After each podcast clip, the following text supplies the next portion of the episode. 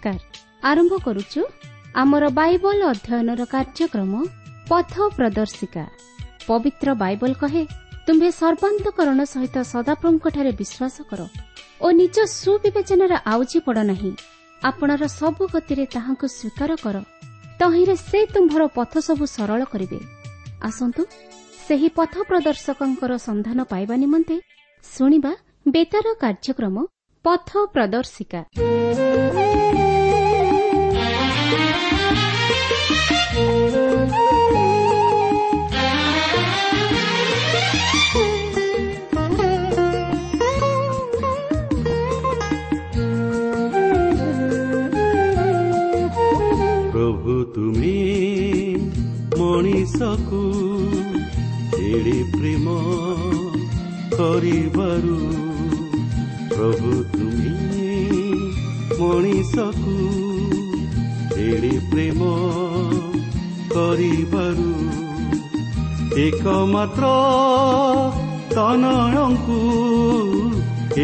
মাত্ৰ তনয়ংকু দান কল জগতকু দান কল জগতকু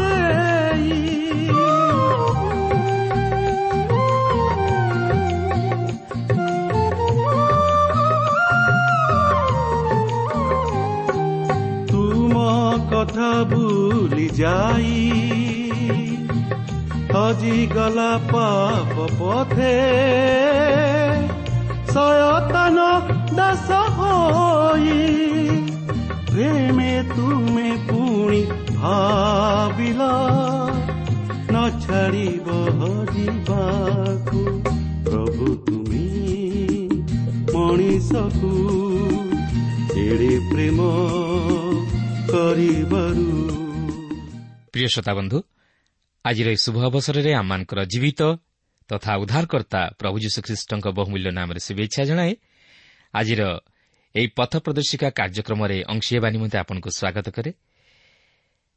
ଆପଣଙ୍କର ସହଯୋଗ ତଥା ମତାମତ ନିମନ୍ତେ ବିଶେଷ ଧନ୍ୟବାଦ।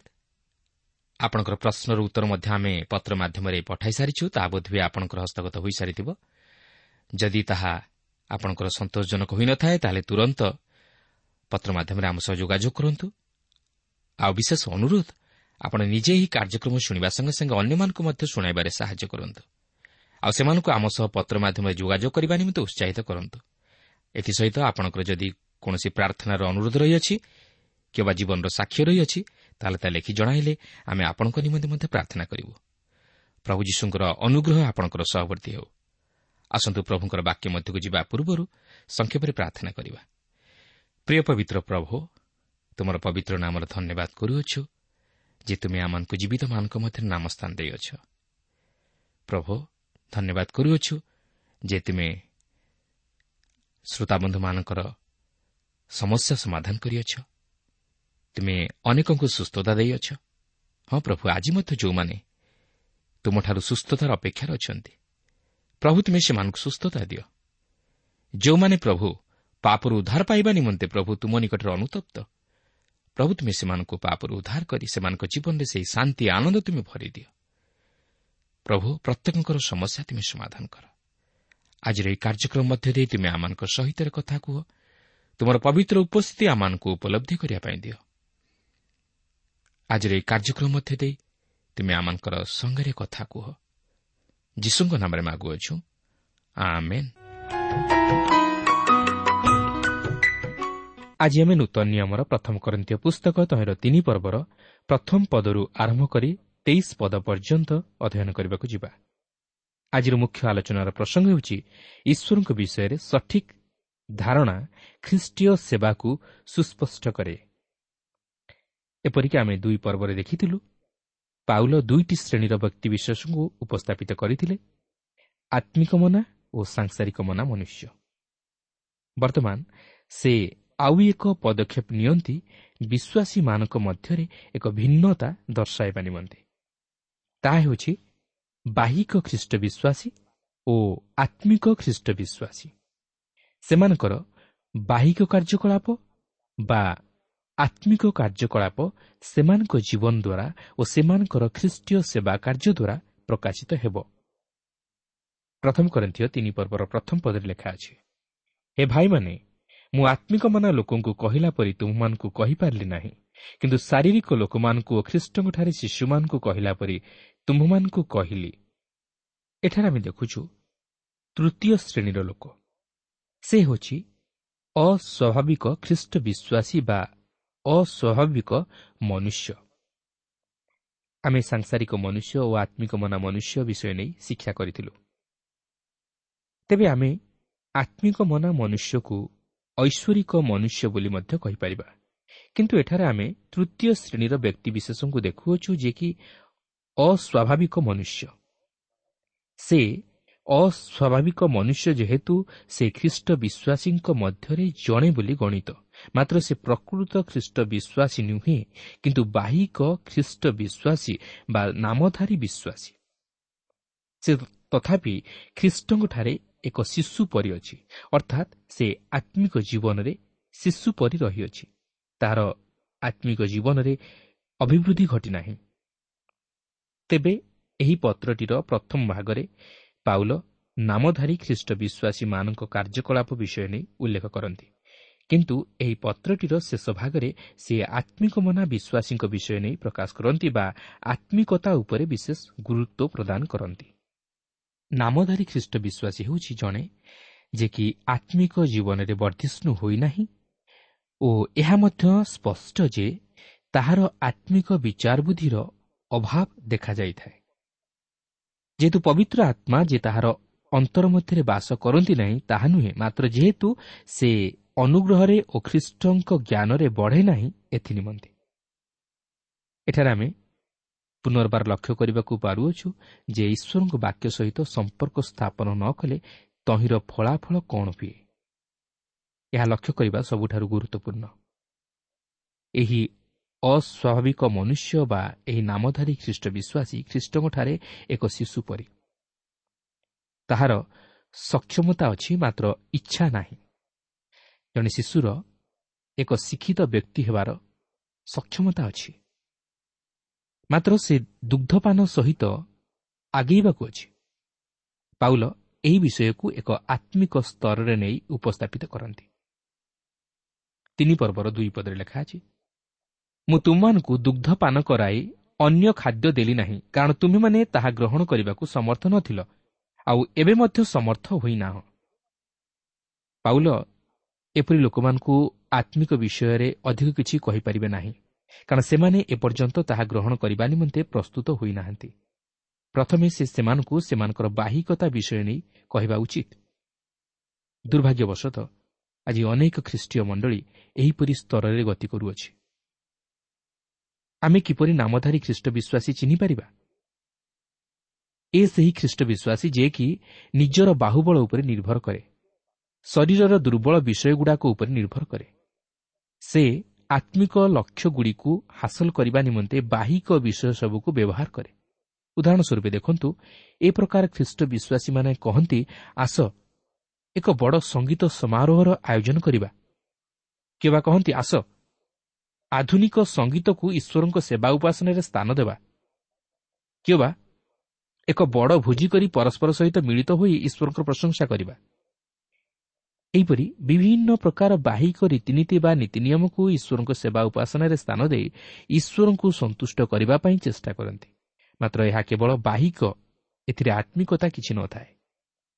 ପାଉଲ ଏହିପରି ଲୋକମାନଙ୍କୁ ପରିଚିତ କରାଇବାକୁ ଯାଇ ଫିଲିପି ତିନି ପର୍ବର ଉଣେଇଶ ପଦରେ ଏହିପରି ଉଲ୍ଲେଖ କରନ୍ତି ସେମାନେ ଖ୍ରୀଷ୍ଟଙ୍କ କୃଷର ଶତ୍ରୁ। ସେମାନଙ୍କ ପରିଣାମ ବିନାଶ। ଉଦର ସେମାନଙ୍କର ଦେବତା ସେମାନେ ଆପଣା ଆପଣା ଲଜ୍ଜାକୁ ଦର୍ପର ବିଷୟ ମନେ କରନ୍ତି ପୁଣି ପାର୍ଥିବ ବିଷୟଗୁଡ଼ାକରେ ଆସକ୍ତ ଅଟନ୍ତି। ପ୍ରକୃତରେ ଏହିପରି ଲୋକମାନେ ଯାହା କିଛି ଇଚ୍ଛା କରନ୍ତି ତାହା କରନ୍ତି। ସେମାନେ ଶରୀରକୁ ନିଜର ବସରେ ରଖିପାରନ୍ତି ନାହିଁ। ତେବେ ସେହି ନାମଧାରୀ ଖ୍ରୀଷ୍ଟ ବିଶ୍ୱାସୀର ଚିହ୍ନ କ'ଣ ତାହା ବର୍ତ୍ତମାନ ପାଉଲ ପ୍ରକାଶ କରିବାକୁ ଯାଉଅଛନ୍ତି। ତିନି ପଦରେ ଲେଖା ଅଛି।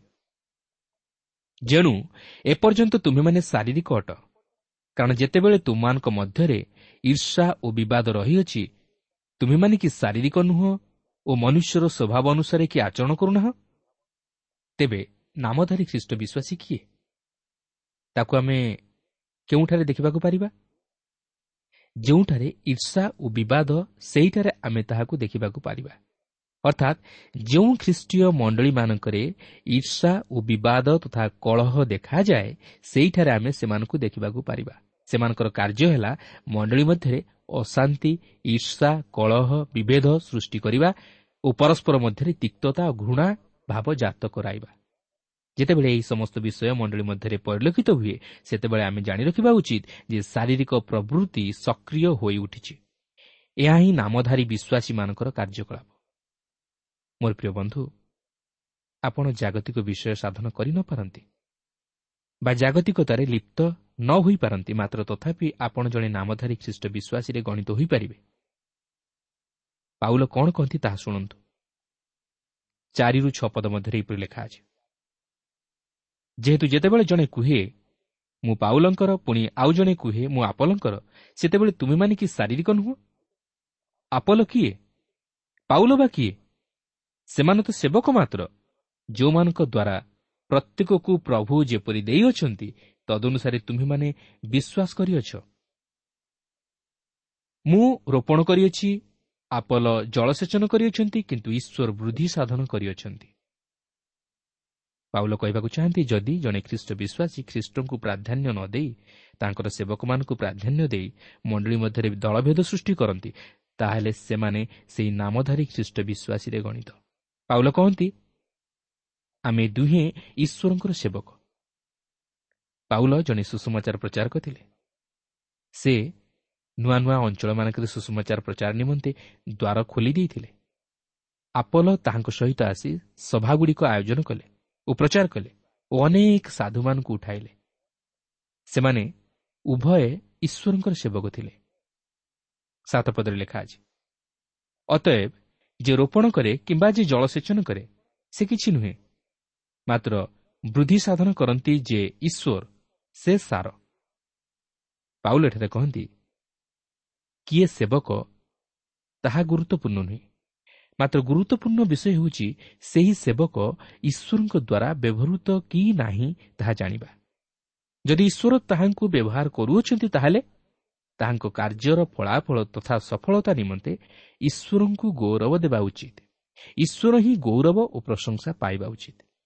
ଆଠ ପଦରେ ଲେଖା ଅଛି ଯେ ରୋପଣ କରେ ଓ ଯେ ସେଚନ କରେ ସେ ଦୁହେଁ ଏକ।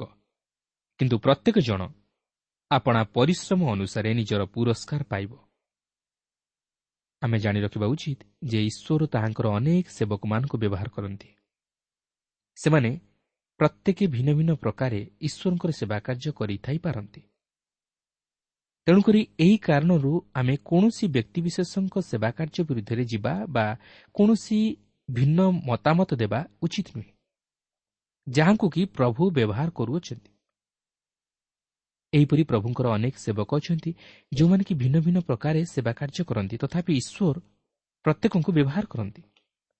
ଆମେ ପ୍ରତ୍ୟେକ ଈଶ୍ୱରଙ୍କ ସହିତ ଜଣେ ଜଣେ ସେବକ। ନଅରୁ ଦଶ ପଦ ମଧ୍ୟରେ ଲେଖା ଅଛି କାରଣ ଆମ୍ଭେମାନେ ଈଶ୍ୱରଙ୍କ ସହକର୍ମୀ ତୁମେମାନେ ଈଶ୍ୱରଙ୍କ କ୍ଷେତ୍ର ଈଶ୍ୱରଙ୍କ ଗୃହ। ମୋତେ ଦତ୍ତ ଈଶ୍ୱରଙ୍କ ଅନୁଗ୍ରହ ଅନୁସାରେ ମୁଁ ଜଣେ ବୁଦ୍ଧିମାନ ଗୃହ ନିର୍ମାଣକାରୀ ତୁଲ୍ୟ ଭିତ୍ତିମୂଳ ସ୍ଥାପନ କରିଅଛି। ଅନ୍ୟ ଜଣେ ତାହା ଉପରେ ନିର୍ମାଣ କରୁଅଛି କିନ୍ତୁ ପ୍ରତ୍ୟେକ ଲୋକ ତାହା ଉପରେ କିପରି ନିର୍ମାଣ କରୁଅଛି ସେ ସମ୍ବନ୍ଧରେ ସାବଧାନ ହେଉ। ସେହି ଭିତ୍ତିମୂଳ ଉଣେଇଶ ଶହ ବର୍ଷ ପୂର୍ବରୁ ସ୍ଥାପନ କରାଯାଇଅଛି। ଆପଣ ଓ ମୁଁ ଆମେ ତାହାକୁ ସ୍ଥାପନ କରିପାରିବା ନାହିଁ। ଆମେ ସମସ୍ତେ କେବଳ ସେହି ଭିତ୍ତିମୂଳକୁ ଲକ୍ଷ୍ୟ କରିପାରିବା ଯେଉଁ ଭିତ୍ତିମୂଳ ହେଉଛନ୍ତି ପ୍ରଭୁ ଯୀଶୁଖ୍ରୀଷ୍ଟ। ଆମେ ସେହି ଭିତ୍ତିମୂଳ ଉପରେ ହିଁ ଗଢ଼ିପାରିବା ଆଉ ସବୁଠାରୁ ଗୁରୁତ୍ୱପୂର୍ଣ୍ଣ ବିଷୟ ହେଉଛି ଈଶ୍ୱରଙ୍କ ବାକ୍ୟ ପ୍ରଚାର କରିବା ଓ ସୁଷମାଚାର ପ୍ରଚାର କରିବା ଯାହାକି କେବଳ ମନୁଷ୍ୟମାନଙ୍କୁ ଉଦ୍ଧାର କରିପାରିବ ଓ ଖ୍ରୀଷ୍ଟଙ୍କର ନିକଟବର୍ତ୍ତୀ କରାଇ ତାହାଙ୍କ ସହ ସଂଯୁକ୍ତ କରାଇପାରିବ ଏଗାର ପଦରେ ଲେଖା ଅଛି କାରଣ ଯେଉଁ ଭିତ୍ତିମୂଳ ସ୍ଥାପିତ ହୋଇଅଛି ତାହା ବ୍ୟତୀତ ଅନ୍ୟ ଭିତ୍ତିମୂଳ କେହି ସ୍ଥାପନ କରିପାରେ ନାହିଁ। ସେହି ଭିତ୍ତିମୂଳ ଯୀଶୁଖ୍ରୀଷ୍ଟ। ଆପଣ କ'ଣ ତାହାଙ୍କ ଉପରେ ନିର୍ମାଣ କରୁଅଛନ୍ତି? ତାହା ହିଁ ହେଉଛି ପ୍ରତ୍ୟେକ ଖ୍ରୀଷ୍ଟ ବିଶ୍ୱାସୀମାନଙ୍କ ନିମନ୍ତେ ଏକ ଗୁରୁତ୍ୱପୂର୍ଣ୍ଣ ପ୍ରଶ୍ନ। ଆପଣ ଯେତେବେଳେ ଖ୍ରୀଷ୍ଟଙ୍କ ନିକଟକୁ ଆସିଲେ ସେତେବେଳେ ଆପଣ ନିଜର କୌଣସି ଉତ୍ତମ କର୍ମ ବଳରେ ଆସିନଥିଲେ ଆପଣ କିଛି ନ ଆଣି ଅନେକ କିଛି ଗ୍ରହଣ କଲେ। ଆପଣ ସେହି ପ୍ରସ୍ତର ଉପରେ ସଂଯୁକ୍ତ ହେଲେ ଯେଉଁ ପ୍ରସ୍ତର କି ଯୀଶୁଖ୍ରୀଷ୍ଟ। କିନ୍ତୁ ବର୍ତ୍ତମାନ ଆପଣ ସେହି ପ୍ରସ୍ତର ଉପରେ ନିର୍ମାଣ କରିପାରିବେ। ଏଠାରେ ଉତ୍ତମ କର୍ମଗୁଡ଼ିକୁ ବିଚାରରେ ଅଣାଯାଏ। ବାର ଓ ତେର ପଦରେ ଲେଖା ଅଛି କିନ୍ତୁ ଯଦି କେହି ସେହି ଭିତ୍ତିମୂଳ ଉପରେ ସୁନା ରୂପା ବହୁମୂଲ୍ୟ ପଥର କାଠ ଘାସ ବା ଛଣ ଦେଇ ନିର୍ମାଣ କରେ ତାହେଲେ ପ୍ରତ୍ୟେକ ଜଣର କର୍ମ କି ପ୍ରକାର ତାହା ପ୍ରକାଶ ପାଇବ। କାରଣ ସେହିଦିନ ତାହା ପ୍ରକାଶ କରିବ ଯେଣୁ ସେହିଦିନ ଅଗ୍ନି ସହିତ ପ୍ରକାଶିତ ହେବ। ଆଉ ପ୍ରତ୍ୟେକ ଲୋକର କର୍ମ କି ପ୍ରକାର ସେହି ଅଗ୍ନି ପରୀକ୍ଷା କରିବ। ପାଉଲ କହନ୍ତି ଯେ ଆପଣ ସେହି ସ୍ଥାପିତ ଭିତ୍ତିମୂଳ ଉପରେ ଛଅଟି ଭିନ୍ନ ଭିନ୍ନ ଉପାଦାନରେ ନିର୍ମାଣ କରିପାରିବେ ଯାହାକି ସୁନା ରୂପା ବହୁମୂଲ୍ୟ ପଥର କାଠ ଘାସ ବା ଛଣ ଦେଇ। କିନ୍ତୁ ଅଗ୍ନି ସେହି ପ୍ରଥମ ତିନୋଟି ଉପାଦାନକୁ ନଷ୍ଟ କରିପାରିବ ନାହିଁ। ପ୍ରକୃତରେ ଅଗ୍ନି ସେହି ତିନୋଟି ଉପାଦାନକୁ ପରିଷ୍କାର କରେ। ମାତ୍ର ଅଗ୍ନି ଅନ୍ୟ ତିନୋଟି ଉପାଦାନକୁ ନଷ୍ଟ କରିଦେଇପାରେ ଯାହାକି କାଠ ଛଣ ଓ ଘାସ। କିନ୍ତୁ ବିଶ୍ୱାସୀକୁ ଏହି ଛଅଟି ଉପାଦାନ ମଧ୍ୟରୁ ଯେକୌଣସି ଉପାଦାନରେ ସେହି ଭିତ୍ତିମୂଳ ଉପରେ ନିର୍ମାଣ କରିବା ନିମନ୍ତେ ସ୍ୱାଧୀନତା ଦିଆଯାଇଅଛି। ଅର୍ଥାତ୍ ସୁନା ରୂପା ବହୁମୂଲ୍ୟ ପଥର କାଠ ଛଣ ଓ ଘାସ ଇତ୍ୟାଦି। ଏହି ବିଷୟ ଶିକ୍ଷା ଦିଏ ଯେ ଜଣେ ଖ୍ରୀଷ୍ଟ ବିଶ୍ୱାସୀ ପୁରସ୍କାର ପାଇବା ନିମନ୍ତେ କାର୍ଯ୍ୟ କରିପାରିବ। ଯଦି କୌଣସି ଲୋକର କାର୍ଯ୍ୟ ସ୍ଥିର ହୋଇ ରୁହେ ଅର୍ଥାତ୍ ସେହି ସ୍ଥାପିତ ହୋଇଥିବା ଭିତ୍ତିମୂଳ ଉପରେ ସ୍ଥିର ହୋଇ ରୁହେ ତାହେଲେ ସେ ପୁରସ୍କାର ପ୍ରାପ୍ତ ହେବ କିନ୍ତୁ ଏହା ଯେପରି ସେହି କାଠ ଘାସ ବା ଛଣରେ ନିର୍ମିତ ନ ହୁଏ ଚଉଦ ପଦରେ ଲେଖା ଅଛି ଯିଏ ଯାହା ନିର୍ମାଣ କରିଅଛି ତାର ସେହି କର୍ମ ଯଦି ରହିବ ତେବେ ସେ ପୁରସ୍କାର ପାଇବ ଅନ୍ୟ ଅର୍ଥରେ କହିବାକୁ ଗଲେ ଯଦି ସେ ସୁନା ରୂପା ଓ ବହୁମୂଲ୍ୟ ପ୍ରସ୍ତରରେ ତାହା ନିର୍ମାଣ କରେ ତାହେଲେ ସେ ପୁରସ୍କାର ପ୍ରାପ୍ତ ହେବ। ଆଜି ମଧ୍ୟ ପ୍ରଭୁଙ୍କର ଅନେକ ଏହିପରି ସେବକ ଅଛନ୍ତି ଯେଉଁମାନେ କି ସେହି ସୁନାରେ ତାହା ନିର୍ମାଣ କରୁଅଛନ୍ତି ଅର୍ଥାତ୍ ସେମାନଙ୍କ କର୍ମର ପୁରସ୍କାର ସେମାନେ ପ୍ରାପ୍ତ ହେବେ। କିନ୍ତୁ ଯେଉଁମାନେ ସେହି ଛଣ ଘାସ ବା କାଠରେ ନିର୍ମାଣ କରୁଅଛନ୍ତି ସେମାନେ ପୁରସ୍କାରର ଅଧିକାରୀ ହେବେ ନାହିଁ। ସେମାନଙ୍କର କାର୍ଯ୍ୟ ଲୋକଙ୍କ ଦୃଷ୍ଟିରେ ମହାନ କାର୍ଯ୍ୟ ବୋଲି ଗଣିତ ହୋଇପାରେ ମାତ୍ର ଈଶ୍ୱରଙ୍କ ଦୃଷ୍ଟିରେ ନୁହେଁ ଯେହେତୁ ସେହି ପରୀକ୍ଷା ଅଗ୍ନିରେ ହେବାକୁ ଯାଉଅଛି। ପନ୍ଦର ପଦରେ ଲେଖା ଅଛି ଯଦି କାହାରି କର୍ମ ପୋଡ଼ିଯିବ ତା'ର କ୍ଷତି ହେବ ତଥାପି ସେ ନିଜେ ରକ୍ଷା ପାଇବ କିନ୍ତୁ ତାହା ଅଗ୍ନି ମଧ୍ୟ ଦେଇ ଗମନ କଲା ପରି ହେବ। ଆପଣ ଦେଖନ୍ତୁ ଏକ ଚମତ୍କାର ଭିନ୍ନତା। ଯଦି କୌଣସି ବ୍ୟକ୍ତିର କାର୍ଯ୍ୟ ସ୍ଥିର ହୋଇ ରୁହେ ଯାହାକି ସେ ସେହି ସ୍ଥାପିତ ହୋଇଥିବା ଭିତ୍ତିମୂଳ ଉପରେ ନିର୍ମାଣ କରିଥାଏ ତାହେଲେ ସେ ତହିଁର ପୁରସ୍କାର ପ୍ରାପ୍ତ ହେବ। ମାତ୍ର ଯଦି କୌଣସି ଲୋକର କାର୍ଯ୍ୟ ସେହି ଅଗ୍ନିରେ ପୋଡ଼ିଯାଏ ଅର୍ଥାତ୍ ସ୍ଥିର ହୋଇ ନ ରହେ ସେ ସେହି କ୍ଷତି ସହ୍ୟ କରିବ। ମାତ୍ର ସେ ନିଜେ ଉଦ୍ଧାର ପ୍ରାପ୍ତ ହେବ। ସେ ତାହାର ପରିତାଣ ହରାଇବ ନାହିଁ। ଯଦି ସେ ସେହି ଭିତ୍ତିମୂଳ ଉପରେ ସ୍ଥାପିତ ହୋଇଅଛି ଯାହାକି ଖ୍ରୀଷ୍ଟଙ୍କଠାରେ ବିଶ୍ୱାସ ସେ ସେହି ପୁରସ୍କାର ପ୍ରାପ୍ତ ହୋଇନପାରେ ମାତ୍ର ସେ ସେହି ପରିତାଣ ହରାଇବ ନାହିଁ ଯେହେତୁ ସେ ଖ୍ରୀଷ୍ଟଙ୍କଠାରେ ବିଶ୍ୱାସ କରି ତାହାଙ୍କୁ ଗ୍ରହଣ କରିଅଛି। ବାସ୍ତବରେ ଏହା ଏକ ଚମତ୍କାର ବିଷୟ। ପ୍ରିୟ ବନ୍ଧୁ ଆପଣ ଆଜି କ'ଣ ନିର୍ମାଣ କରୁଅଛନ୍ତି? ଆପଣ ଆଜି କି ପ୍ରକାର ଉପାଦାନ ବ୍ୟବହାର କରୁଛନ୍ତି ଆପଣ କ'ଣ ନିଜେ ସେହି ଭିତ୍ତିମୂଳ ଉପରେ ସ୍ଥାପିତ ହୋଇପାରିଛନ୍ତି? ଆପଣ ଯଦି ନାମଧାରୀ ଖ୍ରୀଷ୍ଟ ବିଶ୍ୱାସୀ ତାହେଲେ ଆପଣ କେବେ ହେଲେ ସେହି ପୁରସ୍କାର ଆଶା କରିପାରିବେ ନାହିଁ। କାରଣ ଆପଣ ଠିକ୍ ଭାବେ ଈଶ୍ୱରଙ୍କ ବାକ୍ୟ ମଧ୍ୟ ଦେଇ ତାହାଙ୍କ ସହ ସଂଯୁକ୍ତ ହୋଇପାରି ନାହାନ୍ତି। ନାମଧାରୀ ଖ୍ରୀଷ୍ଟ ବିଶ୍ୱାସୀ ହେଉଛି ଜଣେ ଯେ କି ଈଶ୍ୱରଙ୍କ ବାକ୍ୟ ଭଲ ରୂପେ ଜାଣେ ନାହିଁ। ଆପଣ ଦେଖନ୍ତୁ ଜଣେ ସେହି ତିନୋଟି ଶ୍ରେଣୀର ମନୁଷ୍ୟକୁ ଚିହ୍ନିପାରିବ। ଈଶ୍ୱରଙ୍କ ବାକ୍ୟ ସହିତ ସେମାନଙ୍କର ସମ୍ପର୍କକୁ ନେଇ ଯାହାକି ପାଉଲ ଏଠାରେ ପ୍ରକାଶ କରନ୍ତି। ସାଂସାରିକ ମନୁଷ୍ୟ ନିମନ୍ତେ ଈଶ୍ୱରଙ୍କ ବାକ୍ୟ ମୂର୍ଖତା ସ୍ୱରୂପ ଯେଣୁ ସେ ତାହା ବୁଝିପାରେ ନାହିଁ। ଆତ୍ମିକ ମନା ମନୁଷ୍ୟ ଈଶ୍ୱରଙ୍କ ବାକ୍ୟକୁ ବୁଝିପାରେ ଓ ଏହା ତାହାକୁ ଆତ୍ମିକ ଶିକ୍ଷା ପ୍ରଦାନ କରେ। କିନ୍ତୁ ଜଣେ ନାମଧାରୀ ଖ୍ରୀଷ୍ଟ ବିଶ୍ୱାସୀ କହେ ଆସ ବଡ଼ ଭୋଜି କରିବା କିନ୍ତୁ ଈଶ୍ୱରଙ୍କ ବାକ୍ୟ ଅଧ୍ୟୟନ କରିବା ନାହିଁ। କିମ୍ବା ସେ କହେ ଆସ ରେଡିଓରୁ ଫିଲ୍ମ ଗୀତ ସବୁ ଶୁଣିବା ବା କିଛି ଭକ୍ତିମୂଳକ ଗୀତ ବା ଭଜନ ଶୁଣିବା। ମାତ୍ର ଈଶ୍ୱରଙ୍କ ବାକ୍ୟ ଶୁଣିଲେ କିଛି ଲାଭ ନାହିଁ। ତାହା ହିଁ ହେଉଛି ଜଣେ ନାମଧାରୀ ଖ୍ରୀଷ୍ଟ ବିଶ୍ୱାସୀର ଚିହ୍ନ। ଷୋହଳରୁ ସତର ପଦ ମଧ୍ୟରେ ଲେଖା ଅଛି ତୁମେମାନେ କି ଜାଣ ନାହିଁ ଯେ ତୁମେମାନେ ଈଶ୍ୱରଙ୍କ ମନ୍ଦିର ଆଉ ଈଶ୍ୱରଙ୍କ ଆତ୍ମା ତୁମମାନଙ୍କ ଅନ୍ତରରେ ବାସ କରନ୍ତି? ଯଦି କୌଣସି ଲୋକ ଈଶ୍ୱରଙ୍କ ମନ୍ଦିରକୁ ନଷ୍ଟ କରେ ତେବେ ଈଶ୍ୱର ତାକୁ ନଷ୍ଟ କରିବେ କାରଣ ଈଶ୍ୱରଙ୍କ ମନ୍ଦିର ପବିତ୍ର ସେହି ମନ୍ଦିର ତୁମେମାନେ ଆପଣ ଦେଖନ୍ତୁ ଈଶ୍ୱରଙ୍କ ସନ୍ତାନ ପବିତ୍ର ଆତ୍ମାଙ୍କ ମନ୍ଦିର। ପାଉଲ ଏହି ବିଷୟ ପୁନର୍ବାର ଆମମାନଙ୍କର ଦୃଷ୍ଟିଗୋଚର କରାଇବେ। ଆମମାନଙ୍କର ଶରୀର ତାହାଙ୍କର ମନ୍ଦିର ଓ ସେ ଆମମାନଙ୍କ ମଧ୍ୟରେ ବାସ କରିବାକୁ ଚାହାନ୍ତି। ବର୍ତ୍ତମାନ ଆମେ ଆଉ ଏକ ବିଷୟ ଲକ୍ଷ୍ୟ କରିବାକୁ ଯିବା ଆଉ ତାହା ହେଉଛି ଜଣେ ଖ୍ରୀଷ୍ଟ ବିଶ୍ୱାସୀ ଖ୍ରୀଷ୍ଟଙ୍କଠାରେ ସମସ୍ତ ବିଷୟ ଅଧିକାର କରେ। ଯାହାକି ଏହି ତିନି ପର୍ବର ଅଠର ପଦରୁ ଆରମ୍ଭ କରି ତେଇଶ ପଦ ମଧ୍ୟରେ ଲକ୍ଷ୍ୟ କରିବାକୁ ଯିବା। ଅଠର ପଦରେ ଲେଖା ଅଛି କେହି ଆପଣଙ୍କୁ ପ୍ରବଞ୍ଚନା ନ କରୁ। ଯଦି କୌଣସି ଲୋକ ଏହି ଯୁଗରେ ତୁମମାନଙ୍କ ମଧ୍ୟରେ ଆପଣଙ୍କୁ ଜ୍ଞାନୀ ବୋଲି ମନେ କରେ ତେବେ ସେ ଯେପରି ଜ୍ଞାନୀ ହୋଇପାରେ ଏଥିପାଇଁ ସେ ମୂର୍ଖ ହେଉ। ବାଉଲେଠାରେ କହିବାକୁ ଚାହାନ୍ତି ଯଦି କେହି ବାସ୍ତବରେ ଆପଣଙ୍କୁ ଜ୍ଞାନୀ ବୋଲି ମନେ କରେ ତାହେଲେ ସେ ଈଶ୍ୱରଙ୍କ ବାକ୍ୟକୁ ଜାଣିବା ଉଚିତ ଓ ତାହା ପ୍ରଚାର କରିବା ଉଚିତ। କାରଣ ଏହି ଜଗତର ଜ୍ଞାନ ଈଶ୍ୱରଙ୍କ ନିକଟରେ ମୂର୍ଖତା। ଉଣେଇଶରୁ ତେଇଶ ପଦ ମଧ୍ୟରେ ଲେଖା ଅଛି କାରଣ ଏହି ଜଗତର ଜ୍ଞାନ ଈଶ୍ୱରଙ୍କ ନିକଟରେ ମୂର୍ଖତା। ଜଣେ ଲେଖା ଅଛି ସେ ଜ୍ଞାନୀମାନଙ୍କୁ ସେମାନଙ୍କର ଧୂର୍ତ୍ତତାରେ ଧରନ୍ତି। ପୁନଶ୍ଚ ଜ୍ଞାନୀମାନଙ୍କର ତର୍କ ବିତର୍କ ଅସାର ବୋଲି ପ୍ରଭୁ ଜାଣନ୍ତି। ଅତଏବ କେହି ମନୁଷ୍ୟଠାରେ ଗର୍ବ ନ କରୁ। କାରଣ ସମସ୍ତ ବିଷୟ ତୁମମାନଙ୍କର ପାଉଲ କୁହ କି ଆପଲ କୁହ କି କେଫା କୁହ ଜଗତ କୁହ କି ଜୀବନ କୁହ କି ମରଣ କୁହ ବର୍ତ୍ତମାନ ବିଷୟ କୁହ କି ଭବିଷ୍ୟତ ବିଷୟ କୁହ ସମସ୍ତ ହିଁ ତୁମମାନଙ୍କର। କିନ୍ତୁ ତୁମେମାନେ ଖ୍ରୀଷ୍ଟଙ୍କର ପୁଣି ଖ୍ରୀଷ୍ଟ ଈଶ୍ୱରଙ୍କର। ବାସ୍ତବରେ ଯେଉଁମାନେ ଜାଗତିକ ଭାବେ ଜ୍ଞାନୀ ସେମାନେ ଈଶ୍ୱରଙ୍କ ନିକଟରେ ଜ୍ଞାନୀ ବୋଲି ବିଚାରିତ ନୁହନ୍ତି। ଯେପର୍ଯ୍ୟନ୍ତ ସେମାନେ ଈଶ୍ୱରଙ୍କ ବାକ୍ୟରେ ଜ୍ଞାନୀ ନୁହନ୍ତି ବା ଈଶ୍ୱରଙ୍କ ଆତ୍ମାଙ୍କ ବିଷୟଗୁଡ଼ିକ ବୁଝିପାରିନାହାନ୍ତି। ଏଠାରେ ମଧ୍ୟ ଆମେ ଦେଖୁ ଯେ ଜଣେ ଖ୍ରୀଷ୍ଟ ବିଶ୍ୱାସୀ ସେହି ଖ୍ରୀଷ୍ଟଙ୍କର ହେବା ଦ୍ୱାରା ସେ ସବୁକିଛି ପ୍ରାପ୍ତ ହୋଇପାରେ। ସେ ଜ୍ଞାନ ପ୍ରାପ୍ତ ହୋଇପାରେ ଜୀବନ ପ୍ରାପ୍ତ ହୋଇପାରେ ଜଗତ ଉପରେ ଜୟୀ ହୋଇପାରେ ମରଣ ଉପରେ ବିଜୟୀ ହୋଇପାରେ। ସେ ଏହି ଜଗତରେ ବଞ୍ଚିଥାଉ ଥାଉ ଅନନ୍ତ ଜୀବନର ଅଧିକାରୀ ହେବା ସଙ୍ଗେ ସଙ୍ଗେ ଭବିଷ୍ୟତରେ ମଧ୍ୟ ସେହି ଅନନ୍ତ ଜୀବନରେ ପ୍ରବେଶ କରି ଅନନ୍ତ ଗୌରବର ଅଧିକାରୀ ହୁଏ। ପ୍ରତ୍ୟେକ ଖ୍ରୀଷ୍ଟ ବିଶ୍ୱାସୀ ଖ୍ରୀଷ୍ଟଙ୍କର ଓ ଖ୍ରୀଷ୍ଟ ଈଶ୍ୱରଙ୍କର। ଅନ୍ୟ ଅର୍ଥରେ କହିବାକୁ ଗଲେ ପ୍ରତ୍ୟେକ ଖ୍ରୀଷ୍ଟ ବିଶ୍ୱାସୀ ସେହି ଖ୍ରୀଷ୍ଟଙ୍କ ମାଧ୍ୟମରେ ଈଶ୍ୱରଙ୍କର ସନ୍ତାନ ରୂପେ ଗୃହୀତ ହୁଅନ୍ତି ଓ ସେମାନେ ଈଶ୍ୱରଙ୍କର ହୁଅନ୍ତି।